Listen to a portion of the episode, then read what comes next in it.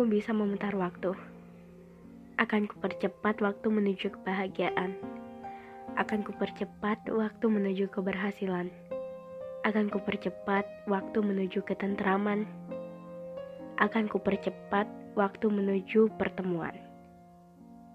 Andai aku bisa memutar waktu, akan kuperlambat waktu perpisahan. Akan kuperlambat waktu kebersamaan.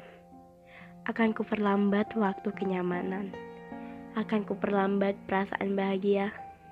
Akan kupercepat perasaan sedih. Andai aku bisa memutar waktu, mungkin kehidupan akan lebih menyenangkan. Mengatur waktu sesuka hati, mengatur waktu terbaik untuk diri sendiri.